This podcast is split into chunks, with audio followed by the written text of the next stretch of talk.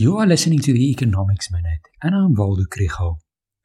I went on a hiking trip last week, and there was no signal or tidings from the outside world. So I want to start the new week with a brief overview of what we missed. Not much data were released last week. Important news for the tourism sector is that South Africa is no longer on the UK's red list. Internationally, liquid gas prices rose which in turn caused oil prices to increase. In the US, the September jobs report was announced. Fewer jobs were created than expected, but the unemployment rate declined due to a decline in labor force participation rate. Average hourly earnings rose by more than expected.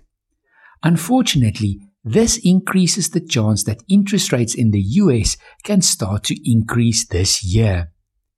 In South Africa, the Reserve Bank's six monthly monetary policy review document was published. It has a strong warning against inflation in South Africa over the medium term.